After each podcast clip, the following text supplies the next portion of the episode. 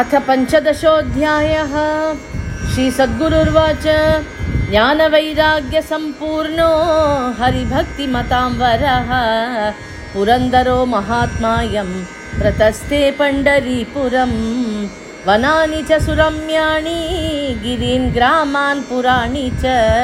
अतिक्रम्य महाधीरः प्रपेदे विजयं पुरं शिलोञ्चवृत्त्या सन्तुष्टः कृष्णकीर्तनतत्परः विजयं नगरं प्राप गुरुदर्शनलालसः गुरोरनुग्रहेणैव पुमान् पूर्णो भवेद्ध्रुवम् इति सञ्चिन्त्य मनसा व्यासराजमुपागतः पुरन्दरमुपानीय व्यासराजो जगद्गुरुः चकार वैष्णवीं दीक्षां कृपया शिष्यवत्सलः।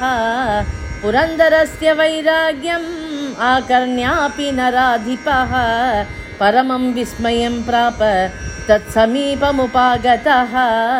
पप्रच्छ स महात्मानं हरिदासं पुरन्दरं दृढवैराग्यसंयुक्तं कृष्णदेवो महीपतिः। राजोवाच पुरन्दरमहाभाग त्वं तु प्राणसकोऽसि मे त्यक्त्वा महद्धनं धीरः कुत्र यासि महामते। अर्थेन धर्मं कामञ्च प्राप्नोति भुवि मानवः। तस्मादर्थपरित्यागे दोषं पश्यामि पण्डित यदा राज्यस्य निर्वाहे महानर्थप्रतीक्षते तदा त्वमेव मे पूर्वम् अर्थं स्वं दत्तवानसि। परस्परमृणां कृत्वा प्रवृद्धं सख्यमावयोः तादृशं त्वां विलोक्यैवं मनो मेध्यविषीदति। पुरन्दर उवाच सद्गुरोरुपदेशेन सफलं जीवितं मम। किं धनेन गृहेणापि किं लोकेन च बन्धुभिः। साधूनां प्राप्तः परमानन्दवर्धनः। येन संसारभोगेषु वैराग्यमुपजायते। मातापिता च बन्धुश्च भार्यापुत्रौ गृहं धनं सर्वस्वमपि गोविन्दो मम निष्किञ्चनस्य तु। करुणां कृतवान् नूनं मयि कृष्णो न संशयः। नान्यथा जायते नृणां विरक्तिर्लौकिके सुखे।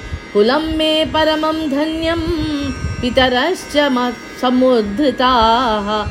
भाग्यवानस्म्यहं लोके पाण्डुरङ्गप्रसादतः श्रीसद्गुरुर्वाच इत्युक्त्वा कृष्णदेवं तं दृढचित्तपुरन्दरः व्यासराजाभ्यनुज्ञातः पण्डरीपुरमाययौ स्नात्वापि चन्द्रभागायां भार्ययाप्यनुकूलया पुण्डरीकं प्रणम्याथ मन्दिरं क्षिप्रमाययौ हरे विठ्ठलरङ्गेति कीर्तयन् गद्गदाक्षरः ननर्तप्रेमभावेन गरुडस्तम्भसन्निधौ महाद्वारमुपागत्य रङ्गदर्शनलालसः प्रविवेश च सानन्दं परमानन्दमूर्छितः कर्णान्तदीर्घनयनं घनश्यामं कृपानिधिं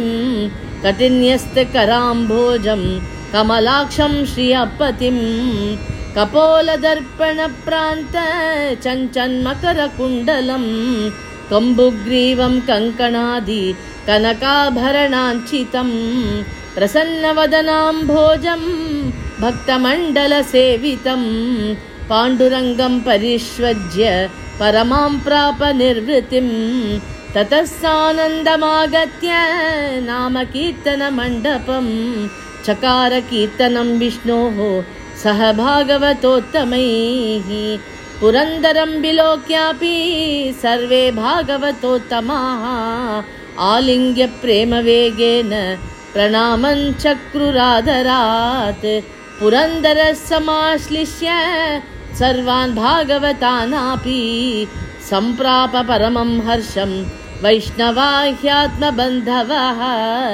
तत्रैव पण्डरीक्षेत्रे सकुटुम्बो वसम्मुदा शिलोञ्चवृत्त्या सन्तुष्टो हरिकीर्तनतत्परः योगक्षेममुवाहस्य भक्तश्रेष्ठस्य विठ्ठलः स एव करुणासिन्धुः भक्तानां परमागतिः